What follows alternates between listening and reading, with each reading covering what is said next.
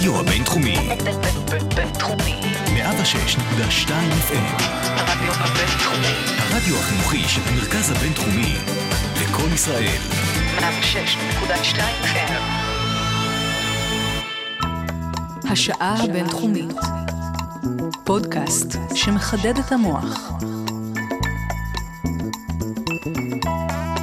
אהלן, מאזינות ומאזינים, אני איציק ישי, ואתם על הרדיו הבינתחומי 106.2 FM, ולרוב אני נוהג להציג את הנושא ואז את האורח או את האורחת, אבל בגלל שהאורחת שלצידי ככה מפזזת לצלילי התוכנית, אה, הג'ינגל, אה, שאומנם השמטנו את השם שלה ממנו, כי המגיש התחלף, אבל הג'ינגל נשאר אותו ג'ינגל, אז אני אשמח להתחיל מהאורחת שיש לנו היום, ואני שמח להגיד שלום למי שהורישה לי את התפקיד, גיל מרקוביץ', אהלן. שלום, שלום, איזה כיף. מה שלומך? מעולה, איך אז- יכול להיות אחרת? אז קודם כל, כיף שחזרת ככה לאולפן השעה הבינתחומית, אה, ועכשיו את על תקן קצת אחר, את... אה, אה, בימינו את אה, מגישה ועורכת המעבדה בכאן תרבות של תאגיד השידור הישראלי, ואומנית יוצרת, והרבה ככה, צמצמנו את כל הטייטלים למשהו קצר וקולע. ובשעה הקרובה, לשם מה הזמנו אותך? כי אם את היית גם בשעה הבינתחומית וגם במעבדה, היה באמת שלל נושאים שיכולנו לעסוק בהם, אבל את אה, לאחרונה העלית אה, מופע שבעצם אה, אה, עוסק בהבניות מגדריות של אה, סרטים בדיסני, ובשעה הקרובה אנחנו בעצם אה, נעסוק איך סרטים שכולנו גדלנו עליהם, נכון. של גאה הספר הג'ונגל, מולן, היפה והחיה, איך בעצם בתוכם הם אה, טומנים, כן. יכולנו רק עכשיו עשר דקות להריץ עוד ועוד סרטים, אה, טומנים בחובן אה, מסרים והבניות חברתיות ומגדריות, ואת עסקת בזה במופע חדש שהעלית, ובואי תספרי לנו עליו. אז חשוב להגיד שהמופע עושה שילוב באמת בין מה שאתה תיארת, שזה הסרטים שכולנו אוהבות ואוהבים, גדלנו עליהם, הם השפיעו עלינו כך או אחרת, ותכף נדבר בדיוק על איזה סוג של השפעה הם יכולים לייצר. שילוב בין זה, הת- התוכן האהוב, לבין ידע אקדמי הארדקור, מה שנקרא, פר אקסלנס. מתברר שיש הרבה מאוד ידע אקדמי שנאסף באקדמיה, מן הסתם, בתחום המגדר, ויש תחומים שקשורים להבניה, כמו שאתה אמרת, תכף נסביר מה זה, וסוציולוגיה וחברות ותהליכים שבהם החברה משפיעה עלינו, האינדיבידואלים, הפלסטיסטים, הגמישים, ואנחנו בעצם, התוכן הזה והידע הזה הם שלובים ביחד, ובמופע, מה שעשיתי זה לקחתי הרבה מאוד ידיעות כאלה ואחרות. יחד עם פרשנות של הסרטים של דיסני, ובשעה, אולי קצת יותר, אני ממש מראה את האבולוציה, את ההתפתחות של הדמויות של דיסני, גם הגבריות, גם הנשיות, משלגיה, כן, ועד מואנה, שהיא אולי הנסיכה המוכרת והפופולרית ביותר היום. וזה מה שאנחנו עושים, וכמובן שאנחנו מטבלים, אנחנו זה דן אה, ואני, שדן מלווה אותי בפסנתר, ואנחנו דן גם מה? מטבלים, דן בר יעקב. ואנחנו מטבלים את המופע בקטעים מתוך הסרטים, כדי גם להזכיר לקהל את היצירות האהובות, כי מה שאנחנו אוהבות ואוהבים בדיסני זה לא רק הסרטים המעולים, זה גם השירים שהם ללא ספק, לפחות 50% מהעלילה. וגם כדי באמת להביא תימוכין מתוך הטקסטים, להראות שמה שאנחנו אומרים זה לא רק פרשנות שלנו, זה באמת קיים שם בתוך המלל. זאת אומרת, מבחינת ההופעה עצמה, אתם בעצם משלבים גם סוג של, זה לא הרצאה, אה, סוג של הרצאה, מופע שירה, אני קוראת משהו לזה הרצאה משולב. מוזיקלית. הרצאה מוזיקלית, אוקיי, כן. זה- יש כבר הגדרה, חשבתם על זה. כן. אוקיי, אז, אז באמת, אנחנו, אתם בחרתם לעסוק בדיסני, אבל אם אנחנו שנייה עושים אה, רגע זום אאוט, בעצם מדובר על, בוא נאמר, על תופעה רחבה. אה, רחבה שקשורה ל, לתוכן בהרבה אספקטים, נכון? ללא ספק. התוכן שאנחנו צורכות וצורכים במהלך החיים הוא, הוא סופר מגוון, הוא הרבה פעמים לא ישיר, הרבה פעמים זו פרסומת שאתה רואה אפילו כשאתה נוהג או כשאתה ילד, כן, וההורים שלך נוהגים, אתה עדיין רואה וחווה את הפרסומות שמסביב, ושלטי החוצות, את הסדרות בטלוויזיה, שאגב, לפחות בסדרות זה קצת יותר מגוון, אבל פעם זה, בדור שלנו, כשאנחנו ילדים, זה פחות היה מגוון. סרטים כמובן, זה תוכן קלאסי, ועוד הרבה הרבה דברים, אפילו בשירים, מלל של שירים, אנשים שנוהגים להקשיב לשירים, יש גם שם את הציפיות החברתיות, ואי אפשר... אי אפשר להתחבא או להסתתר מזה, וזה בסדר, כי הרי כשאנחנו יוצרים, אנחנו מביאים את עצמנו ליצירה, ואנחנו זה גם הציפיות החברתיות מאיתנו והדברים שהטמיעו בנו במשך השנים. אז דיסני היא באמת מקרה בוחן מצוין במובן הזה, ראשית משום שהיא מגדירה את התכנים שלה לכל המשפחה. אז כבר היא אומרת, גם ילדים וילדות יצפו בי, וגם הורים, גם מבוגרים יכולים לצפות בי, וכולם יתחברו. וזה מקרה בוחן טוב, כי זה לכל החברה באופן אה, רחב. מקרה בו, והעובדה שהיא מקרה בוחן טוב, עובדה נוספת, זה גם אה, הפופולריות שהיא באמת השיגה. היא לא רק אמרה על עצמה שהיא לכל המשפחה, אלא היא באמת אחת החברות, אחד התאגידים הכי הכי גדולים, עם הכי הרבה השפעה. היא גם בעלים של המון, אה, מה שנקרא, חברות בת, שאנחנו אולי לא יודעים על זה, אבל נגיד מארוול שייכת לדיסני, אה, לוקאס פילם שעושים את סטאר וורס שייכת לדיסני, אה, מי שעושה את, אה, איך קוראים להם? ABC שייכים לדיסני. בקיצור, זה לא נגמר. ובאמת, את אמרת שאפשר, כאילו, העולם של היוצר אה, בא לידי ביטוי ב- ביצירה, בהרבה מובנים, כמובן גם ב- באלמנטים של אה, מעמדות וגזענות וכולי, אבל אתם התמקדתם בעצם במגדר, נכון? נכון, נכון, וממש חשוב שאתה מביא אותי לדבר על זה. אפשר לעשות את אותה הרצאה מוזיקלית מהרבה מאוד היבטים. אפשר לדבר למשל דרך פוקהונטס על איך דיסני בוחנת את, ה, את הנושא של כיבוש, ואת הרעיון הזה של אמריקנים ילידים, מה שאנחנו בדרך כלל מכנים אינדיאנים, וזה אה, לא נכון פוליטיקלי קורקט. אז אמריקנים ילידים למשל, עדיין מוצגים שם לא טוב, עדיין מוצגים שם כ... הסטריאוטיפ של חיבור לאדמה, והיכולת לתקשר עם הרוח והשמש, וכל מיני סטריאוטיפים, שאולי ככה האדם הלבן ראה את האמריקנים הילידים, אבל זה לא פייר, בוא נגיד, בלשון המעטה, להציג אותם ככה. אז אפשר לעשות את הסדרה גם על זה. אפשר לדבר גם על ייצוגים שחורים ב- בדיסני, כן? למה אין ייצוגים שחורים? למה רק ב, אם אני לא טועה, 2010, דיסני שמה ב front נסיכה שחורה? זה מוזר, כן? איך יכול להיות שהאמריקנים, שזו אחת הסוגיות שהכי מעסיקה אותן מרגע שהאומה הזאת קמה, וזה תאגיד אמריקני ממש ב- ב- בכל רמ"ח איבריו, איך יכול להיות שרק ב-2010 הוא מתמודד עם הסוגיה הזאת? אז אפשר באמת, כמו שאתה אומר, לדבר על סוציאליזציה, חברות, מהרבה כיוונים.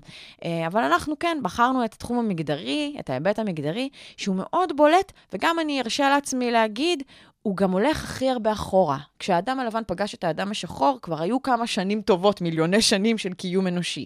כשהאדם הלבן פגש את הילדים האמריקנים, גם היו כמה, היה שנות קיום. אבל כשהאדם מראשית קיומו התחיל את uh, זאת אומרת, חייו... זה העיוות הכי עתיק כן, יומין זה, בעצם, את אומרת? אני ל- אומרת שכן. אני אומרת שהוא הולך הכי אחורה. הוא, לא, לא יודעת אם הוא עיוות, אבל המורכבות הכי עתיקה, כן. ובגלל זה גם כל כך קשה לנו, אנחנו מאוד מתנגדים.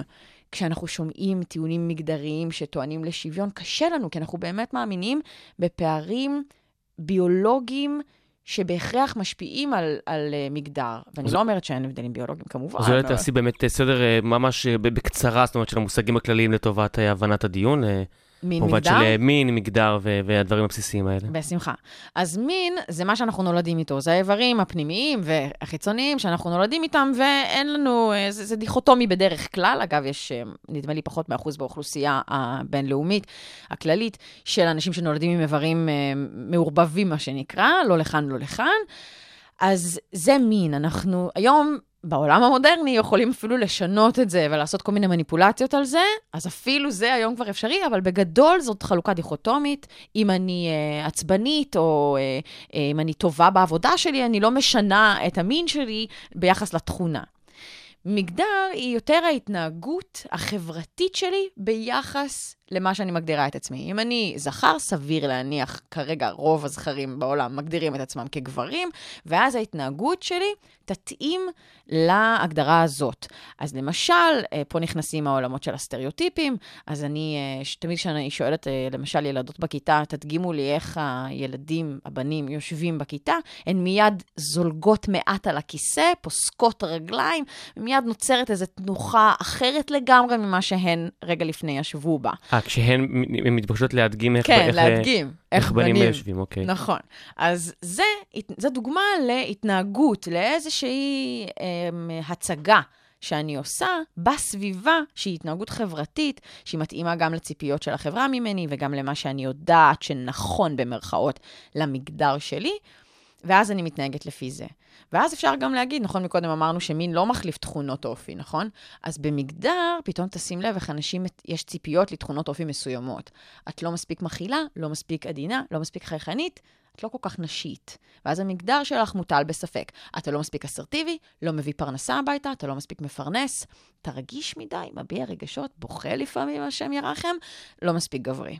אז האם אה, כל, ה, כל התכונות, כל המגדר בעצם זה רק הבניות חברתיות, והדבר היחיד הוא, הוא מין ומשם הכל רק אה, סוציאליזציה וכולי, או שיש גם דברים שהם לצורך העניין, אם אנחנו מדברים על שינויים אה, פיזיים, שגם מולידים לצורך העניין רגישות יותר, או חוזק, או דברים... אה, אז זו שאלה מצוינת, כי אתה נכנס כאן קודם כל לאסכולות בעולם של הפמיניזם, בעולם של מגדר.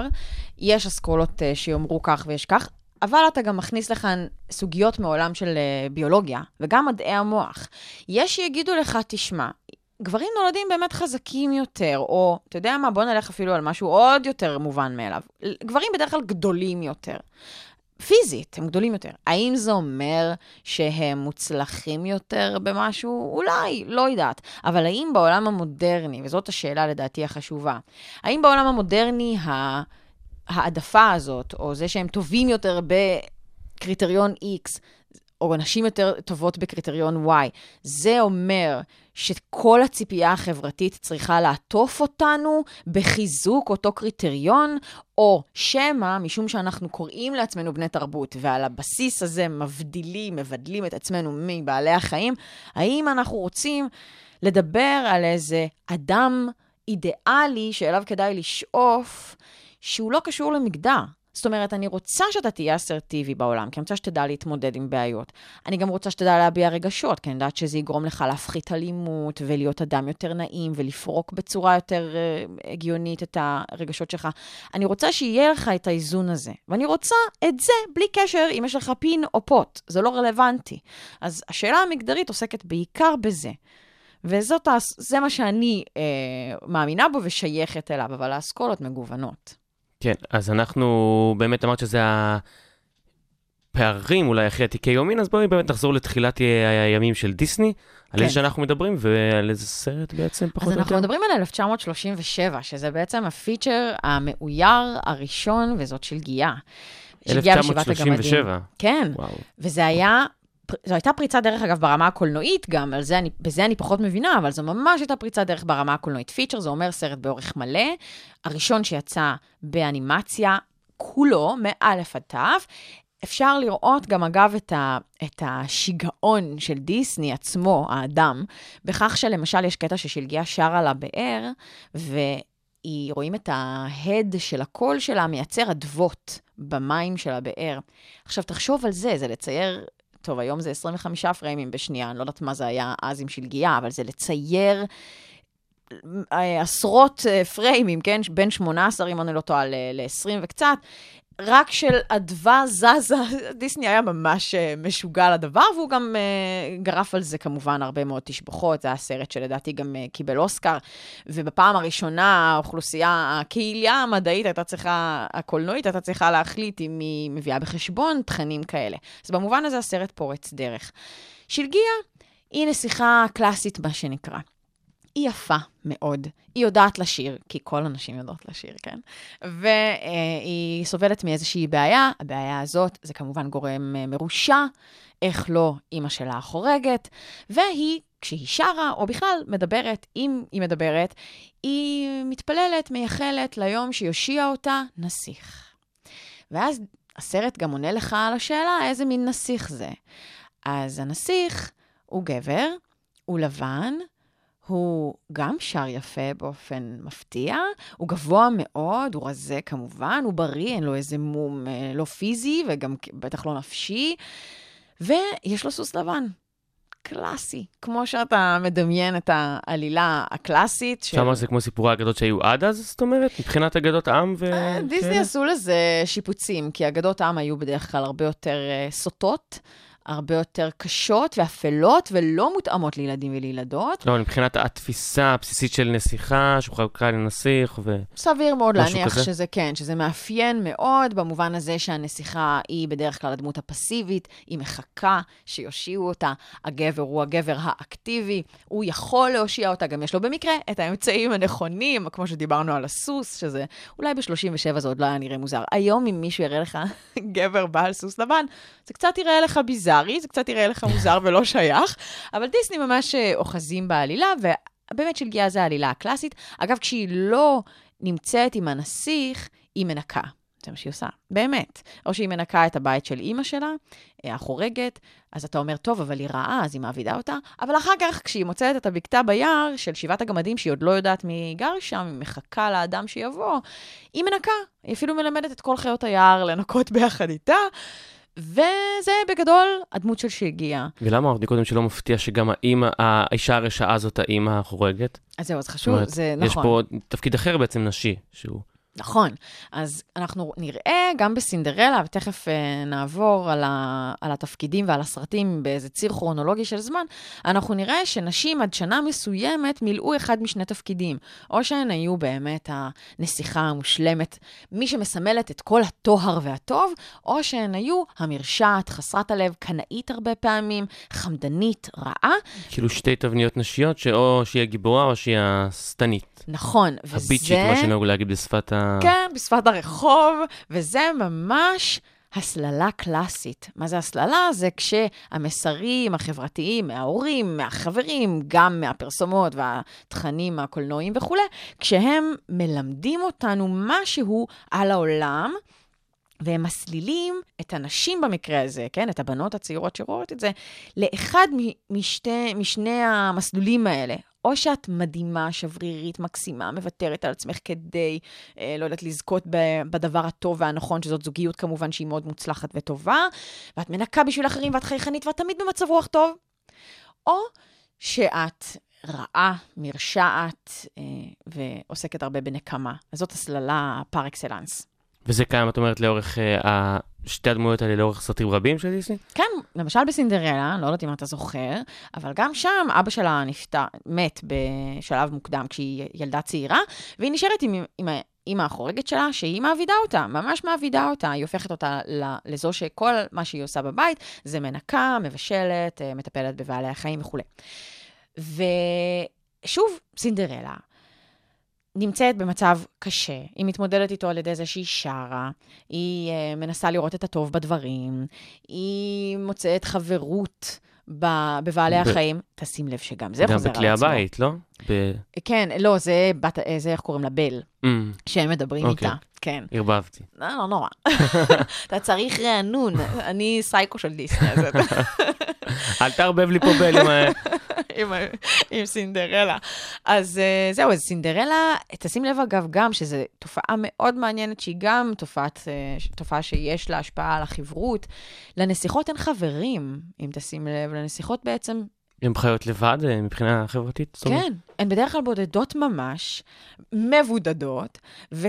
עם מי שהן כן מדברות זה הבעלי חיים. אז לסינדרלה יש עכברים וציפורים, ולשלגיה יש אה, איילים, במבי כאלה חמודים, והמון המון חיות שיש פשוט ביער, ארנבים וכולי. ואז הגאולה היחידה שלהם זה בעצם הנסיך? כן, תחשוב על זה, איזה ביזארי זה, שכל התקשורת האנושית שהן עושות, זה או עם הגורם המרושע הזה, שזאת אימא שלהן בדרך כלל, החורגת או הלא חורגת, זה לא משנה, או עם בעלי חיים ביער, שזה באמת הזוי. איך לומר? כן, קצת. אבל אם בעלי חיים ביער, אנחנו ממשיכים לספר הג'ונגל לצורך העניין, שאם כן. עכשיו ציינת שני סרטים שהם קלאסיים של נסיכה וכולי, זה סרט קצת שונה בעצם, לא? נכון, זה סרט שונה. כן חשוב להגיד שלפני ספר הג'ונגל, ספר הג'ונגל הוא נדמה לי ב-67, לפני ספר הג'ונגל היה גם את דמבו, היה גם את פיטר פן.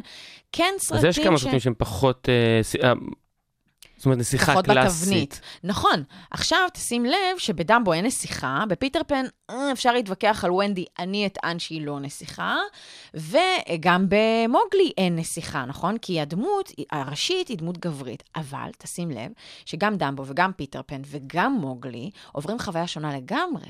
הם שלושתם מייצרים חברויות, יש להם חברים. לדמבו יש אה, ציפור חמ- חמודה ועכבר חמוד שעוזרים לו להתגבר על אה, אובדן אימו, אה, שנלקחה ממנו וכולי, והם עוזרים לו לראות מה שנקרא את האור, את הדרך חזרה, את הדרך הטובה אל חיים טובים.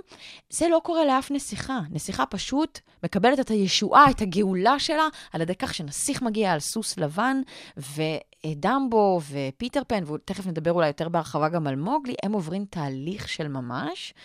שהוא לא קשור ל- בעצם לתבנית ש- שציינת עד עכשיו, של הנסיכה שמחכה לנסיך. בדיוק, הם לא מחכים לאף אחד שתושיע אותם, הם אה, לא אה, שרים על מר גורלם או על כמה בתוך כל מר גורלם הם יכולים לראות את האור החיובי, אלא הם פשוט יוצרים חברים, שרים על החיים שלהם, יש להם בעיות מגוונות לגמרי, זה לא רק בעיה אחת. בקיצור, זה שונה לגמרי, זו תבנית שונה כשהדמות הראשית היא גבר, זכר או גבר, איך שתרצה, וכשהדמות הראשית היא אישה או נקבה. ואז כשמופיעה דמות נשית בספר הג'ונגל, ככה זה נשמע.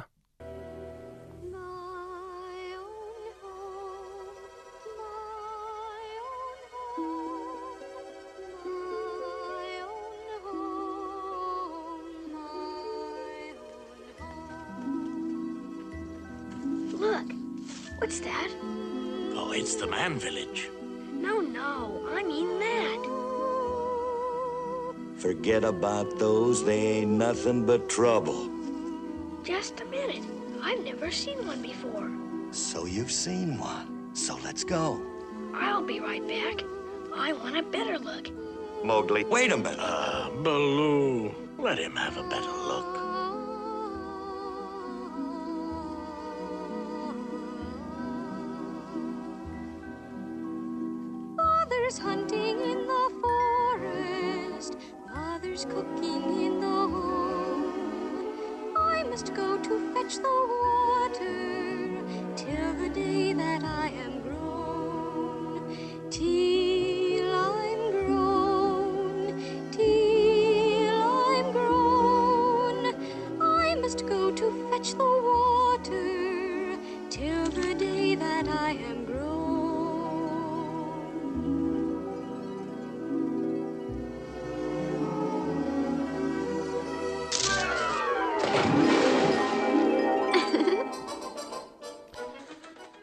זה מה שמענו פה בעצם, היא לא ממש נסיכה, והיא מתארת אה, סוג של אה, חיים אה, נשיים אולי, כן. לפי תפיסת העולם הזאת.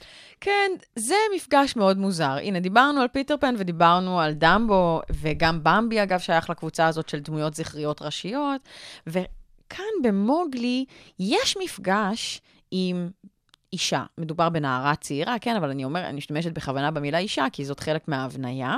מוגלי בעצם מחפש את עצמו, נכון? הוא לא יודע בדיוק לאן הוא שייך.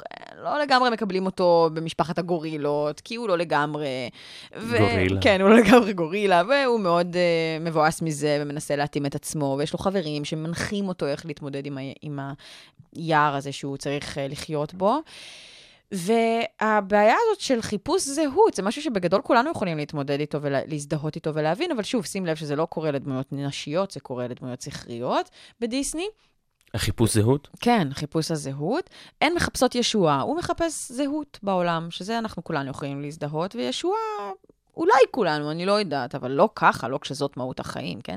אבל אני חוזרת למוגלי, ממש לקראת סוף הסרט, הוא פתאום שומע צלילים שהוא לא מכיר, ואז הוא מתחיל להסתקרן, הוא שומע את הנערה הזאת שרה בזמן שהיא שואבת מים אה, מהאגם, והוא שואל את בלו, מה זה? אז הוא אומר לו, זה אדם. מהם צריך להיזהר וכולי. אבל מוגלי לא אידיוט, הוא מבין שיש כאן משהו דומה לו. עכשיו, היית מצפה בתור הצופה של הסרט ש... שהוא ממש יצא מגדרו. הוא רואה לראשונה חיה, כן, בעל חיים, שנראה כמוהו, מפיק קולות דומים לשלו, האצבעות אותו דבר. אתה יודע, זו התרגשות מטורפת, זה מציאת הזהות, זה הרי מה שהבנו אותנו במהלך הסרט לרצות שיקרה. במקום זה אנחנו מקבלים התאהבות ממבט ראשון. הוא מתהפנט, פתאום הוא הופך להיות, ממש, אני אמליץ למאזינות ולמאזינים שלנו לחזור ולהסתכל על הציור שלו, על איך עירו אותו. הוא פתאום הופך להיות איזה אבל כזה, כן? יש לו איזה מבט חלול. הוא מסתכל עליה כאילו, היא בת כלום, בטח 12, מבט פתייני, עיניים, העיניים האופייניות של דיסני, ענקיות. היא אה, אה, עם הריסים ככה מעפעפת, כולה פתיינית בת כלום, והיא שרה על מה שמלמד אותנו, כמו שגם את מוגלי, על החלוקה של התפקידים המאוד מסורתית בין גברים לנשים בחברה שהיא מגיעה ממנה. אבא צד חיות ביער, אמא אוכל מכינה, זה בתרגום העברית לעברית, כן? ואני אשאב עם שחר, מים ובפי, ובפי רינה. והיא ממש מתארת לך מה כל אחד צריך לעשות. ואז היא אומרת, יום אחד אני אתחתן, ואז תהיה לי ילדה קטנה, ואז היא תצא לשאוב אה, מים מהאגם בזמן שאני אכין אוכל. זאת אומרת, אם- אני מבין אותך נכון, יש כאן שני אלמנטים, אפשר לומר. אחד זה, כמו שתיארת עכשיו, ממש החלוקת תפקידים הברורה, והשני זה בעצם לעטוף את כל הסצנה כביכול תמימה ומרגשת הזאת למשהו מאוד מאוד אה, מיני וסקסיסטי אולי, כן, אפשר כן, לומר. אני הייתי אומרת את המילים הללו, כן. זה ממש טוויסט, אתה מצפה למשהו אחד ומקבל משהו אחר. אז במובן הזה, לדעתי, דיסני עשו כאן אה, עטיפה, כן, מעטפת עלילתית, שלא משרתת את מה שהם סיפרו לנו קודם, וכן משרתת את ההרגלים החברתיים של כולנו. אני רגע רוצה לחזור אחורה, אם אתה מרשה לי. בוודאי. אוקיי, אז קצת לפני אה, מוגלי, ספר הג'ונגל, יצא גם היפיפייה הנרדמת, וביחד אה, שלגיה, היפיפייה הנרדמת וסינדרלה אה, מהוות אה, איזשהו עידן של דיסני, שתכף אנחנו גם נעבור ממנו. ובעידן הזה, דבר חשוב נוסף שלא ציינתי, זה רגע המפגש עם הנסיך. אז נכון שזאת מייחלת כל הזמן, והוא, רואים אותו בקושי על המסך. זה גם שאלה, אגב, מה, אין, אין לדמויות הגבריות מקום כשהסרט הוא על נשים? כאילו איזו דיכוטומיה מוזרה. או שהסרט על גברים והם עוברים איזושהי חוויה מבגרת, או שהסרט הוא על נשים והן עוברות חוויה של צרה וצורך בישועה. בסדר, נגיד. אבל כשהם נפגשים, הכל מושלם. כן? שלגיה פוגשת את הנסיך בפעם הראשונה ממש בתחילת הסרט, היא נבהלת, היא לא יודעת מי הוא, היא הולכת, ואז הוא מתחיל לשיר, אז היא מתרככת קצת, כי היא שמה לב שהוא שר, והוא גם כמובן נאה, אז, אז היא מקשיבה. אבל בגדול זאת הטרדה לכל דבר, הוא נכנס לחצר שלה, והוא פתאום מופיע, הוא בא אליה over the shoulder ומתחיל לשיר באוזן שלה. היא לא מכירה אותו, הוא, פ- הוא נכנס לבית שלה. זה נורא מוזר. ואצל היפיפייה הנרדמת גם, היא שרה ביער עם חיות היער, כי כמו שאתה כבר יודע, אין להן חברים. והיא שר... שרה, מספרת לחיות היער על חלום שהיא חלמה, ובזמן שהיא שרה, הנסיך רואה מהצד, ואז הוא מחליט להצטרף אליה, כי היא מוצאת חן בעיניו. זה פשוט הטרדה לכל דבר. והיא אומרת לו, אסור לי לדבר עם זרים. אז הוא אומר לה, לא, לא, אבל את הרגע אמרת שנפגשנו פעם, פעם בחלום. כי זה מה שהיא חלמה, היא חלמה שהיא פוגשת נסיך. אז גם המפגש הוא הזוי לגמרי, הוא ממש ממש מסליל למה שהיום אנחנו קוראים בריש גלי, בפה מלא, הטרדה. אז גם לזה אה, ב- צריך בכל לשים לב. המפגשים, זאת אומרת, האקט של הפגישה עצמו הוא גובל ב... כן, זו פלישה על המרחב הפרטי. הם לא מכירים, באף אחד מהסרטים האלה הם לא נפגשו קודם. בסינדרלה היא פגשה אותו היטב, זאת אומרת, לא הייתה שם הטרדה, הם אה, נפגשו בנפ... בנשף, סליחה, הם אה, מצאו חן אחד בעיני השני, הם רקדו ביחד, ואז כל הסיפור המוכר של חצות, צריכה ללכת, סנדל מזכוכית, לה לה לה. אבל אצל היפיפייה הנרדמת ואצל שלגיה, זו הטרדה לפי ההגדרה. בואי עכשיו ברשותך אה, נחזור לדוגמה נוספת של ה- מה שציינת בהתחלה, על הדיכוטומיה של דמויות נשיות, של הדמות הקשוחה והרעה והדמות העדינה והיפה, ואולי אה, דרך בת הים הקטנה, שזה גם נראה לי אה, בא לידי ביטוי טובה. בצורה מעולה. כן. אז בת הים הקטנה, גם חשוב לי להגיד שדיסני זה באמת הצלחה מסחררת. כל הסרטים שציינו עד עכשיו, כל הזמן שברו קופות, גם בארצות הברית וגם בעולם, ברמה בינלאומית, כל הזמן שברו... כן, זאת אומרת, זה לא- זה לא לא הסרטים בין לבין שנכשלו ולא דיברנו עליהם, נכון? זאת אומרת, תראה... נכון שלא אה, דיברנו עליהם, אבל... זהו, ש- לא ש- דיברנו עליהם, אבל הם לא ש- נכשלו. ש- שלא- שלא- שלא שמענו עליהם בתור... אה, לא, לא, לא היו, באמת שכמעט ולא היו כאלה סרטים שדיסני הוציאה, כמעט ולא. אה, ועכשיו אנחנו באמת מגיעים, אנחנו מקפצים קדימה, היינו בשנות ה-50 הרבה, היינו קצת ב-60 ועכשיו קיפצנו ל-89, זה ממש אה, הספתח לשנות ה-90. יוצא לקולנוע, בת הים הקטנה, סרט גם שובר קופות, ושם אפשר לראות, כמו שאתה מציין, שוב את הדיכוטומיה המובהקת הזאת בין אה, אה, התפקיד הנשי המרושע לבין התפקיד הנשי השברירי והנסיכתי. תשים לב אצל אריאל כמה זה בולט, אריאל זאת בת הים הקטנה, שהחברים שלה הם כולם זכרים, כן? השחף הוא זכר, סבסטיאן הסרטן, פלאונדר הדג, הם כולם בנים, כן? אין לה חברות uh, בנות. אז, אז זה הופך את ההסללה הזאת, את התפקיד הנשי המרושע לעומת הנשי הטוב הטהור, לעוד יותר בולט, כי אתה אומר, וואלה, אפילו חברה אין לה, כאילו, אפילו חברה רגילה, פרווה, אין לה. אז הייצוג הנשי, פתאום זה ממש בולט שהדיכוטומיה קיימת בייצוג הנשי, זה ובייצוג ממשיך את הגברי... המגמה של אה, סינדר, שיש לה חברים שלהם, היא סוג של בודדה בעולם, ויש לה חברים שהם... כן, נכון. תראה, גם... שם יש לה נגיד קשרים עם אבא שלה, ומראים לך בתחילת הסרט שיש לה עוד כמה אחיות, אבל הם לא חוזרים נעלמות. למסך, כן, הן נעלמות. ובאמת האינטראקציה שלה זה, כמו שאמרנו, פלאונדר, סבסטיאן, השחף, ומכשפת הים היא עוד uh, דמות מעניינת. כי היא, יש כל מיני אסכולות ופרשנויות לגביה, אגב, זה אני פחות בטוחה עד כמה זה נכון לפי הכוונה המקורית של דיסני, אבל יש פרשנויות שאומרות שהיא מייצגת טרנסג'נדרים. אני לא יודעת אם זה נכון. או-אה, מהפכני כן. ב-89. כן, מאוד מהפכני ב-89, ולכן אני סקפטית מאוד, אני לא שייכת לאסכולה שאומרת שהיא מייצגת את זה, כי אני פשוט לא סומכת על דיסני בשנת 89. אחר כך אנחנו נראה איך דיסני משתפרת, נעשית מאוד מאוד מודעת ל- לעניינים מגדריים, מאוד, בכלל לתהליכי סוציאליזציה וחברות, ואנחנו נראה את זה בהמשך, איך היא מש- משנה לגמרי את הדמויות ואת העלילה וכולי. בשנת 89 לא, אבל אומרים שאורסולה אולי גם מייצגת טרנסג'נדרים, למה? כי היא בעצם מנסה להיות אישה, כן? והדבר היחיד שאין לה זה קול. ואומרים, האנשים שטוענים כך, אומרים שבתהליך הזה של אה, לעבור ממין אחד לאחר, אחד הדברים שהכי קשים זה הקול. במיוחד כשגבר הופך לאישה, כי כן? נשאר לו קול עבה כן, וחוספס. ולוקח יותר זמן עד שהקול משתנה. זאת אומרת, אולי ההורמונים משפיעים יותר מהר על אה, דברים אחרים בגוף, על איברים אחרים בגוף, אבל לקול לוקח יותר זמן, והרבה פעמים זה בכלל לא קורה.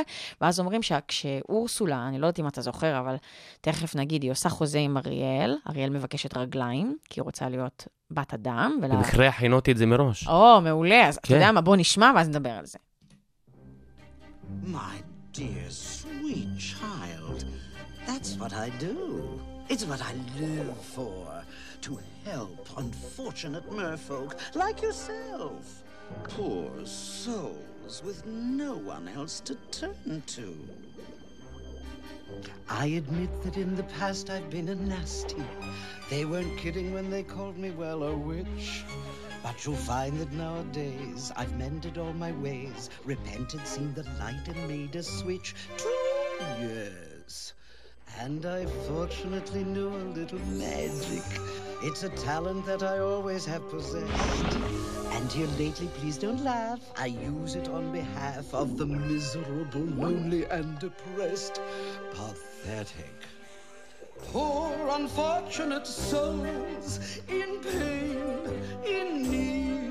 This one longing to be thinner, that one wants to get the girl, and do I help them? Yes, indeed. Those poor unfortunate souls, so sad, so true. They come flocking to my cauldron, crying, Spells, Ursula, please, and I help them. Yes, I do. Now it's happened once or twice. Someone couldn't pay the price, and I'm afraid I had to rake 'em across the coals.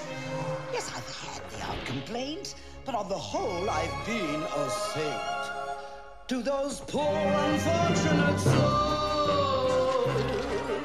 Now, here's the deal. I will make you a potion that will turn you into a human for three days. Got that? Three days. Now listen, this is important. Before the sun sets on the third day, you've got to get dear old Princey to fall in love with you. That is, he's got to kiss you. Not just any kiss. The kiss of true love. If he does kiss you before the sun sets on the third day, you'll remain human permanently. But if he doesn't, you turn back into a mermaid and you belong to me. No, Ariel! Have we got a deal? If I become human, I'll never be with my father or sisters again. That's right. But you'll have your man. Life's full of tough choices, isn't it? oh, אנחנו נאלץ להפסיק את הדיאלוג הזה באמצע, כי יש לך כמה דברים אה, פרשניים להגיד עליו, על אף שזה נשמע מאוד מתקתק וקסום. יש כאן כל מיני מסרים אה, מאוד בעייתיים. נוספים. אנחנו נדבר על החוזה הזה. בעצם אריאל היא מאוהבת בנסיך, שחשוב לי בהערת סוגריים להגיד שהיא אף פעם לא דיברה איתו, אבל בסדר, היא התאהבה בו, נו, מה לעשות, אהבה עם מבט ראשון. זה רק לחזות העתיד, זה כמו טינדר. כן, אתה לא רואה. בדיוק, כן, מה, זה זה לא לא- לא השתנה כלום בעצם. כן.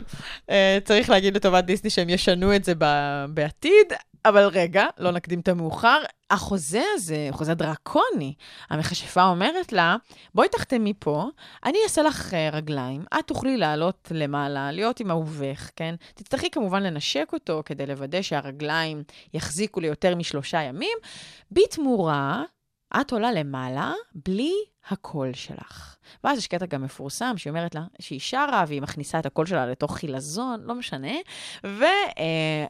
ואיך עולים למעלה ולא מדברים? לא ברור, כי אתה יודע, איך מתקשרים, איך זה. עכשיו שוב, הוא גם לא ראה אותה, זאת אומרת, אריק, הנסיך, לא ראה את בת הים אף פעם, כי היא הצילה אותו, לא משנה, אז אין לו בכלל אפילו את הזיכרון של איך היא נראית, אז מה זה יעזור שאין לה את הקול? הדבר היחיד שהוא זוכר ממנה זה את הקול שלה, כי היא וגם שרה בעצם לו. זה רק מעצים את העניין של, ה- כמו שציינת מקודם, שזה רק מתבסס על מראה, זאת אומרת בעצם אפילו תהיי יפה ותשתקי בעצם, זה ה... נכון? למעשה זה, בעצם מה שזה אומר. בול, בול, זה מה שזה אומר. תהיי יפה ותשתקי. במובן הזה, בת הים הקטנה היא בעצם השיא הלא טוב מבחינת מגדר וייצוגי מגדר של דיסני. תחשוב גם... יותר מכל הסינדרלה ו... כי תראה, זה ממש, אנחנו ב-89, יא רבי, כאילו, העולם עבר כבר שני גלים של פמיניזם. שני גלים של פמיניזם, האחד בסוף המאה ה-19 עם הסופרג'יסטיות ותחילת המאה ה-20, והשני בשנות ה-60 וה-70 של המאה ה-20. שני גלים של פמיניזם, ודיסני מספרת בדיוק את המסר שאתה אומר, תהיי יפה ותשתקי, זה מספיק, הכל טוב, את תזכי בגבר הזה, הוא יהיה איתך, את תהיי חולה, זה אחד. שתיים, זה אומר, תיפרדי מהמשפחה שלך בשביל זה. את לעולם, אם הרי היא בת אדם, היא לא יכולה לחזור למים, להיות עם המשפחה שלה, זה ניתוק מוחלט מהמשפחה שלה, בסדר? זה מסר נוסף. והשלישי זה, וגם תעשי ניתוח פלסטי, כן? כדי שתוכלי להיות עם הגבר הזה. הרבה מאוד תנאים בשביל אה, בסך הכל גבר. כן, אה, ואהבה גם, שלא תגיד שיש להם איזה חברות של עשר שנים שהם מנסים להציל פה. אהבה ממבט ראשון. אז זה בעצם השיא ה top הכי גרוע שאליו הגיע דיסני, ומשם חל אה, לדברייך איזשהו שיפור, נכון? כן, כן, מתחילה מגמה של אה, שיפור, אפשר לראות אותה ביפה והחיה.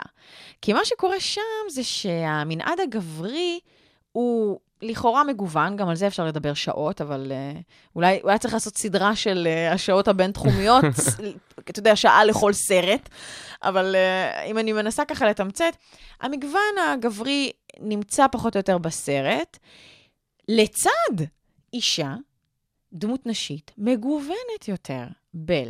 בל אוהבת לקרוא, היא סופר חכמה. השיר הראשון, זה באיזה שנה יוצא? סליחה שאני עוצר אותך. 90 ו- 91. 91. והיא ממש ממש חכמה, היא אוהבת לקרוא. כל העיירה, אגב, צוחקת עליה על זה, כן? כי כאילו איזה מוזרה היא שהיא חכמה. והסרט, ה... סליחה, השיר הראשון זה יפה, אבל קצת משונה. זה ממש המילים שהם אומרים, שזה מצחיק, כי זה כבר נותן לך, מה שנקרא, בפנים, את זה שהיא יפה, שזה הכי חשוב, אבל היא קצת משונה. ודבר נוסף מעניין, זה שבל לא ממהרת להינשא. זה לא בראש מעייניה, זה לא בתעדוף, זה לא במקום הראשון. היא רוצה אה, אה, ללמוד, היא רוצה לקרוא, היא רוצה לעזור לאבא שלה בעבודות שלו וכולי. אז פה יש דמות מגוונת כבר והיא שונה. אבל, הנה בא האבל שלי, כי אנחנו צריכים לדלג מהר קדימה.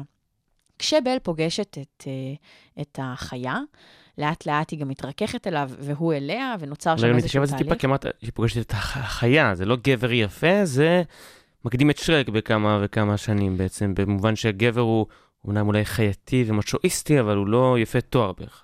אה, אז בואו נדבר על זה. הפייה שהפכה אותו למכשפה, שהפכה אותו לחיה, הפכה אותו לחיה כי הוא היה חיה מבפנים, באופי שלו. וזה כן תואם את הסטריאוטיפ. זה תואם את הסטריאוטיפ. זה אומר, "את- אתה לא מנומס, אתה לא נחמד, אתה לא יודע להת, להתנהג עם אנשים, אתה חיה, אז תקבל את הצורה שמתאימה לאופי שלך. אז במובן הזה זה מתאים לסטריאוטיפ. אבל אז דיסני אומרים, אבל גם גבר יכול להתרכך ולהיות אדם שנעים לחיות איתו, נכון? הבעיה שלי זה שדיסני אומרים שגבר יכול להתרכך רק אם הוא פוגש אישה. חס וחלילה, אתה לא יכול להיוולד עם איזה תכונות של אה, רגישות ונעימות לסביבה, אתה לא יכול. רק אם תפגוש אישה שתלמד אותך ותדריך אותך איך להיות סבלני, איך להיות אדיב, איך לאכול נכון בשולחן האוכל, יש סצנה שלמה כזאת. רק אז אתה תוכל לצאת מאורך החייתי ומאופייך החייתי. ולחזור להיות נסיך. ולחזור להיות נסיך ואדם. אז יש לי עם זה הבעיה כמובן, כי זה שוב ההבניה המאוד סטריאוטיפית של מה, איזה תכונות שייכות לנשים ואיזה לגברים. אני חוזרת לבל, אחרי שהם עוברים כבר את התהליך המצוין הזה, אם תרצה, אז הם מתאהבים, וברגע שהוא הופך לנסיך, אין בכלל שאלה. כל הכיסופים והרעיונות המעניינים שהיו לבל לפני, נמוגו. אתה לא יודע כלום על הקריירה שלה. אולי היא פתחה אה, אה, חנות ספרים. רגע, לטובת הצופים שלא זוכרים, אחרי שהם ביחד יש, מה, מה בעצם קורה משם בסרט? כלום, זה בדיוק הקטע. אחרי שהם ביחד, יש מעין ריקוד סיום כזאת, סצנה מאוד מפוארת עם שיר הנושא, כן? טה-נה-נה-נה-נה, כן? כזה. הכל מאוד שמח, כולם חוזרים להיות בני אדם, כל הכלים שהיו, אה, כל הכלים שדיברו, חוזרים להיות בני אדם משרתי עתירה. ואנחנו לא יודעים מה קורה איתה. זאת אומרת, שלמרות השינוי באופי שדיסני עשתה, בל אישה לכאורה חזקה, עם רצונות, עם אה, מחשבות עצמאיות משלה, למרות זאת, כשהיא פוגשת גבר, הופ, הכל נעלם. היא הופכת להיות זוג. היא הופכת להיות ראייה. היא הופכת להיות אהבה, כן? כי זאת המטרה בחיים, וזה מה שדיסני מלמדת. אם הייתה עוד איזו סצנה, אפילו של דקה שמראה לך שהוא חזר והוא פתאום אדם נורא נחמד והוא למד את הלקח וזה, והיא פתחה חנות ספרים, או לא יודעת, מלמדת uh, ילדים לקרוא קרוא וכתוב, הייתי אומרת, אה, יאללה, אז היא גם זכתה באהבה, וגם הוא, וגם יש לה מקצוע, היא עושה משהו, כמו שהיא רצתה לפני. אז דיסני בנה, קצת, בנה. בנה, קצת וקצת הרס מדשדשת. בסוף. כן, כן. ואנחנו ממשיכים מעניין. הלאה בעצם. גם אז ממשיכה, או שהסוף הגרוע ממשיך אה, עם טעם לסרט הבא גם? זהו, אז הסוף הגרוע ממשיך. אני אגיד לך למה, ממש בקצרה, פוקהונטס שנת 95, ארבע שנים אחרי היפה והחיה. זאת כבר אישה באמת. אתה לא יכול להגיד עליה שהיא לא חזקה, שהיא לא סקרנית, שהיא לא חכמה, שהיא לא מעניינת, שאין לה כן, זו תפקיד כבר דמות חברתי. נשית הרבה יותר מורכבת ו... ללא ספק, דמות עגולה לחלוטין. גם בל אפשר להגיד עליה שהיא דמות כבר עגולה, לא כמו שלגיה, לא כמו היפיפייה הנרדמת, לא כמו סינדרלה. פוקהונטס מתלבטת, הדילמה החזקה שלה זה האם להתחתן עם אה, מי שמיועד לה ולרשת את אביה בניהול השבט, או שהיא תלך עם הלב שלה.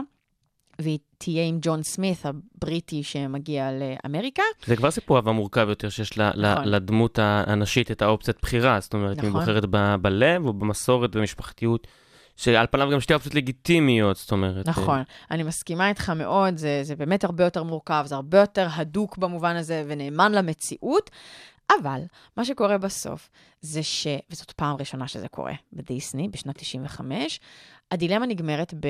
בלא. בהיעדר זוגיות. כי היא מחליטה להישאר עם המשפחה שלה ועם השבט שלה, נאמנה. הוא נפצע, ג'ון סמית נפצע, הוא חייב לחזור לבריטניה כי שם יש את הטיפול הרפואי שהוא צריך. אז uh, הם פשוט נפרדים. וזה אולי מסר גם מאוד בעייתי, כי בסרט הראשון שבו מוצגת דמות נשית חזקה, הוא גם הסרט הראשון שבו הדמות לא מסיימת בזוגיות ואהבה. וזה בעצם אומר, את חזקה ואסרטיבית, גברים לא רוצים כזאת אישה.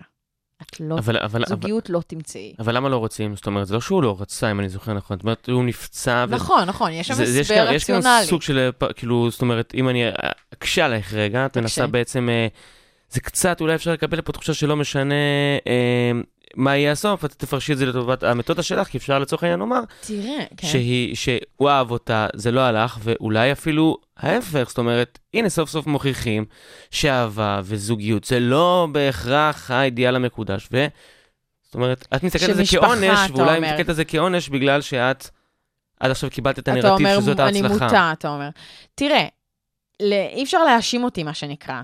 אם במשך שנים קיבלתי את המסרים שהאהבה זאת המטרה, ובמשך שנים קיבלתי את המסרים האלה, וגם אתה, וכל מי שצפה בגדול, הכרונולוגיה של דיסני מספרת את זה, ולא רק דיסני, שוב, דיסני זה מקרה בוחן.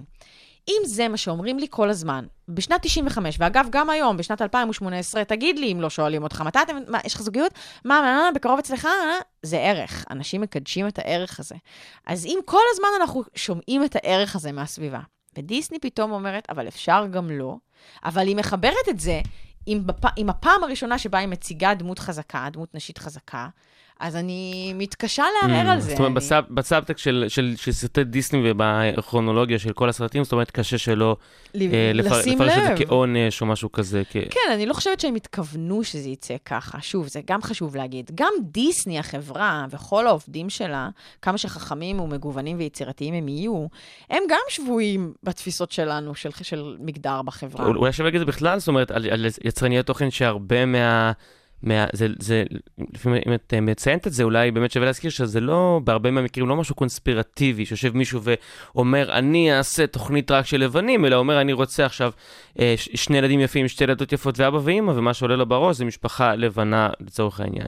נכון? זאת אומרת, זה גם סוג של, פשוט של, חשוב של. שיקוף של ה... של ה... ללא ספק, ללא ספק. זה משקף את היוצר הרבה פעמים ואת תפיסת עולמו, וזה משקף את מה שאנחנו מורגלים ומורגלות בו בחברה, ללא ספק. ולכן המינוח הנכון הוא גם שימור סטריאוטיפים, אוקיי? אנחנו לא רק מבנים, אנחנו גם משמרים את הקיים, כי אנחנו חלק מהשבי, כן? בתוך התפיסות האלה. ככל שנעלה את המודעות לסטריאוטיפים הללו ולהשפעה של הסטריאוטיפים הללו עלינו ועל ההתנהגות שלנו והבחירות שלנו ביום-יום, אז אנחנו נוכל לפרק אותם לאט-לאט ולהפחית את העוצמה של ההשפעה שלהם. אבל באותה נשימה גם אולי שווה להגיד שיצרניות תוכן ענקיות ועם הרבה כוח ועוצמה, אולי גם מצופה מהם לעשות את הצעד הזה, זאת אומרת, לא רק לשקף, כי אם לא, אלא אחרי שצבר את הכוח וזה, באמת לעשות איזשהו צעד ו- ולהיות פורץ דרך או נושא דגל. אני ב- בהחלט מסכימה. לא בהכרח בנושא מגדר, או עוד פעם, לא משנה במה אתה מאמין, אבל כן, לא, לא רק לשקף, אלא בעצם גם... אה,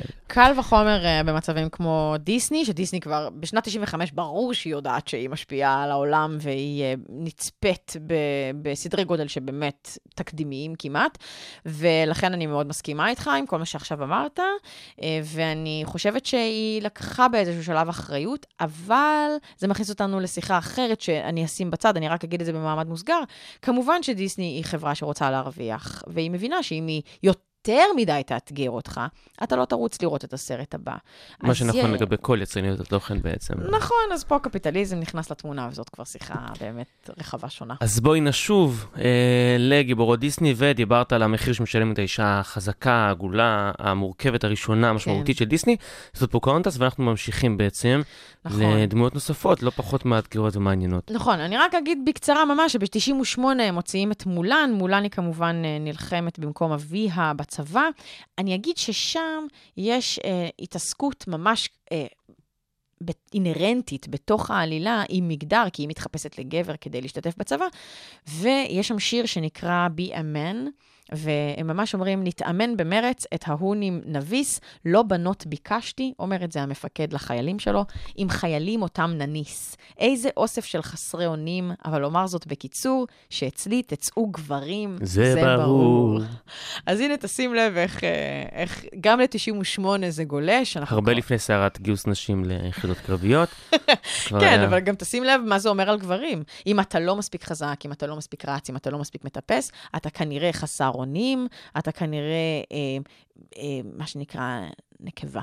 כן. פה זו נקודה חשובה וגם אגבית קצת, אבל מעניינת, שככה ציינת ב, בהתכתבות שלנו לפני התוכנית, שיש גם, אנחנו בעצם, על פניו אפשר לחשוב שכל התוכנית עוסקת במחיר שהנשים משלמות, אבל למעשה באותו נשימה גם הגברים משלמים מחיר, ואם הייתי בא ויכול להגיד לך, אוקיי, מה את רוצה? הוא רוצה אנשים חזקים, ואם אנחנו חוזרים לדיון בתחילת התוכנית, ביולוגית חזקים יותר, הוא רוצה גברים, זאת אומרת, יכול להיות לצורך העניין, גם אם הוא צודק, אבל הגברים שהם לא כאלה משלמים את המחיר. ללא ספק, וגם, גם גברים שהם כאלה, ואתה מחזק בהם את זה, בסדר, אין בעיה, אבל על חשבון מה זה בא? האם זה מאוזן? האם אתה מייצר מצב שהוא לא מאוזן ואתה מחזק רק חוזקות מסוימות, ולא מחזק תכונות ומיומנויות וכישורים אחרים שראויים שיהיו גם לגברים. ולא סתם בתי הכלא מלאים, אה, אם אני לא טועה, 95 אחוזים הוא ה- האחוזים, האחוזים הנכונים בגברים. זה לא כי גברים נולדו אלימים, אלא זה כי יש פה איזושהי הסללה מאוד מאוד מאוד מאוד עמוקה, שאנחנו בתור חברה ממשיכים לשמר, לגבי הצעדים שמותר במרכאות לגבר לקחת במרחב, הסיכונים שמותר במרכאות לגבר לקחת במרחב, וזה, וזה בא לביטוי. כן, דוגמה. גם במשפחה עם קודים עברייניים, מי שיעשה בפועל את הדברים ואת הפעולות העברייניות, הם כנראה יהיו הגברים.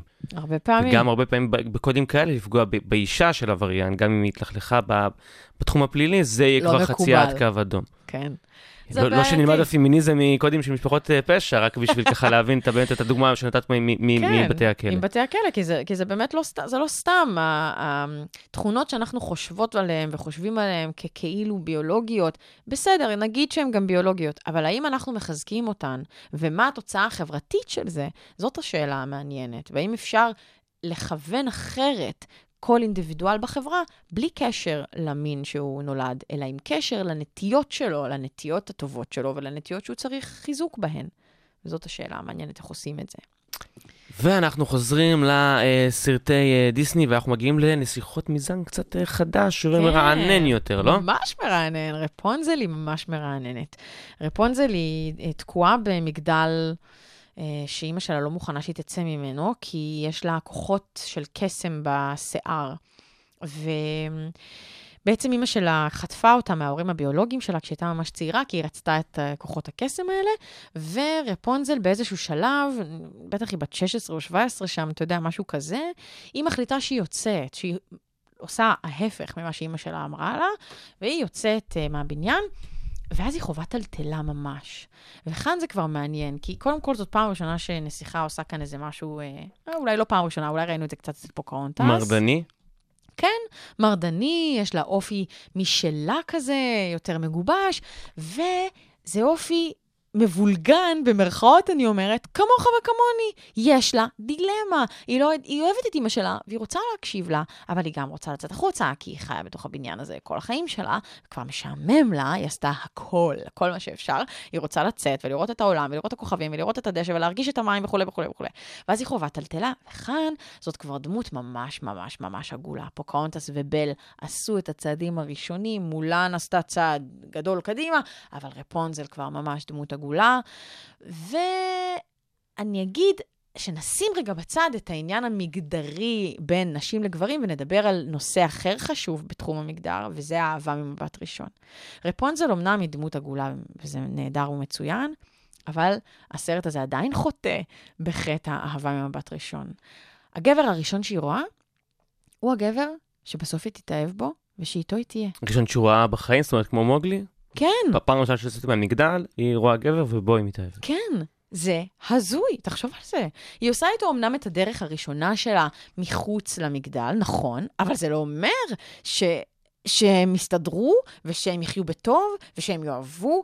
בהתחלה הם לא מסתדרים, ויש ביניהם כאלה כל מיני הקנטות, אבל זה הזוי שהם פשוט מתאהבים בסופו של דבר, והם זוג. אז האהבה ממבט ראשון ממשיכה אה, להשתמר בסרטי דיסני עד 2010, עד רפונזל. זה משתנה בלשבור את הקרח. שמה קורה שם? שם אלזה עוזבת את הבית כי יש לה כוחות שקשה מאוד להשתלט עליהם, וההורים שלה מנסים ללמד אותה לא, לא להשתמש בהם. Conceal, Don't Feel, אלה המילים של השיר שאלזה שרה, Let It Go, והיא בעצם, אה, היא, היא לא מצליחה להשתלט על זה, אז היא בסוף מחליטה שהדבר האחראי יהיה לברוח, ללכת אה, לממלכה רחוקה, ומה שקורה זה שאחותה מחפשת אותה. ואחותה, אה, בכל תהליכי החיפוש, קצת לפני שאלזה עוזבת גם, פוגשת איזה נסיך, והם שרים שיר נורא נחמד על אהבה ממבט ראשון. עכשיו, השיר הזה, שדיסני שותלת בתוך הסרט, הוא כבר ממש צחוק עצמי. דיסני צוחקת על עצמה. כי אם תקשיב טוב למילים של Love is an open door, זה השיר, דיסני ממש צוחקת על האבסורד ששני אנשים שלא מכירים אחד את השני, גם אם יש ביניהם דמיון, מתאהבים בדקה, ממש בדקה. אז יש שם כל מיני משחקי מילים נורא נחמדים.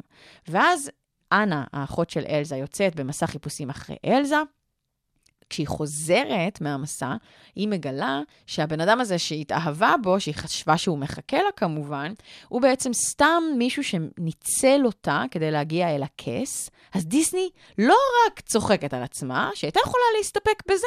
היא לא רק צוחקת על עצמה, היא אפילו שוברת את המגמה, את התבנית של אהבה ממבט ראשון, והיא אומרת, לא, הנה. זה לא ש- עבד גם, זאת אומרת, זה... זה לא עבד. זאת לא אהבה, זה היה מניפולטיבי, זה היה מרושע. זה פשוט לא אהבה. המסר הוא ל- ל- לילד שצופה בזה, ועוד הוא לא חווה זוגיות ולא זה, המסר הוא, אה, זה לא אהבה ממבט ראשון, זה לא עבד הדבר הזה, כמו שאתה אומר. וזה קריטי. והסרט בכל זאת מסתיים מהכישוף של הממלכה שצריכה להפשיר מהקור של אלזה, מהכשפים של אלזה. אה, היא תפשיר רק אם יהיה איזשהו סיפור של אהבה ממבט ראשון בכל זאת, או אהבה גדולה, לא אומרים ממבט ראשון, אומרים גדולה. אז איזה אהבה זאת? והסרט נגמר באהבה בין החיות. האהבה של אנה לאלזה ואלזה לאנה, וזה מסר חדש. אז אנחנו לצערי כבר ממש קרובים לסיום, וככה באמת תיארת באופן אה, מרתק את, ה, את ההשתלשלות, והגענו באמת לנקודת אה, סיום ראויה ו, ומתקדמת. אה, אבל אולי ברשותך עוד דקה-שתיים, זאת אומרת. על ה- דיברנו על זה קודם שזה סוג של אה, שיקוף, על אף שמצופה מתאגיד גדול אולי, אה, כן להיות להראות. איזה נושא דרך, להיות ולה- ולהיות. לקחת איזושהי אחריות חברתית, אבל איפה באמת, זאת אומרת, אה, אנחנו מדברים על אה, צריכה של סרטים וכולי, איפה זה מול ההשפעה של מערכת החינוך, של המשפחה, אפשר למדוד את זה, אפשר להעריך את זה, איפה, איפה אנחנו בעצם אז יש מחקרים שמנסים לעקוב אחרי ההשפעה של תוכן על ילדים וילדות. זה קצת קשה לעשות, אבל uh, למשל פעם ביקשו מילדים לכתוב מכתבים למערכת, ילדים קטנים, 9, 10, 8, ומצאו שילדים רואים דברים שהם לא מזדהים איתם, שהם נראים להם מוזרים. למשל, כתבו... על סרטים? כן, אגב, זה לא היה רק דיסני, זה היה סדרות בכלל ל- לילדים, וראו שילדים כותבים שנגיד אה, הבנים מוצגים או כפופולריים חזקים, מנהיגים, או שאם הם לא כאלה, אז הם חנונים נורא. זה, זה הילדים אמרו. כן, אומרת, הילדים אמרו, פניו- הם שמו לב. על פניו יכול להיות שזה משהו שבא, אם הם לא קיבלו את זה מהטלוויזיה, הם קיבלו את זה מהבית, ואז הם ראו גם באופן ביקורתי לצורך העניין. יכול להיות, וגם יכול להיות שלהפך, שבבית הם ראו דבר מגוון יותר, ואז הם מסתכלים על הטלוויזיה, והם לא מיוצגים שם.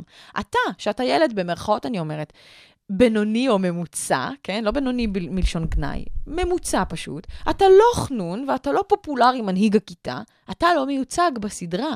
אז פתאום אתה שם לב שאין לך כל כך עם מי להזדהות. הרי אתה לא אומר את כל זה, כן? זה כבר ה... הידע האקדמי משלים, אבל כשהילד כותב את המכתב, הוא אומר. או שילדה אחרת כתבה שהיא צפתה ביפיפייה הנרדמת, וזה היה לה נורא מוזר שהיא ישנה במשך 100 שנים, כי יש הרבה מה לעשות בחיים, והיא פשוט בזבזה הרבה דברים, הרבה זמן. אבל זה, זה, זה הסתכלות מעניינת, כי ילד לא רוצה לישון עכשיו 100 שנים, זה לא מה שהוא היה מצפה. אז זה בהקשר של איך אנחנו, איך תוכן משפיע עלינו ומה ילדים וילדות רואים. מערכות החינוך היום אה, מכירות את זה, אבל להגיד לך שזה קל להטמיע, זה לא קל. אני uh, מתנדבת בעמותת מכנה משותף, שהיא מחנכת להעלאת סטריאוטיפים.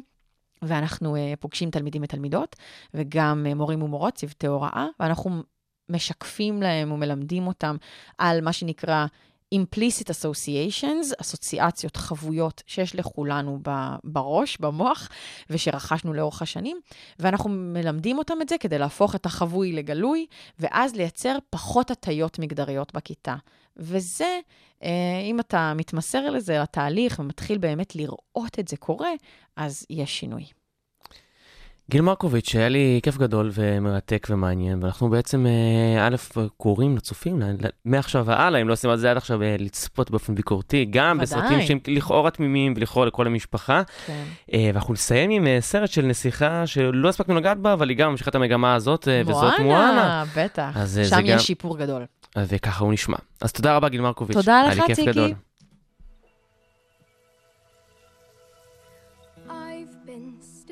Staring at the edge of the water long as I can remember, never really knowing why. I wish I could be the perfect daughter, but I come back to the water no matter how hard I try. Every turn I take, every trail I track, every path I make, every road leads back to the place I know where I cannot go, where I long to be. See the line where the sky meets the sea.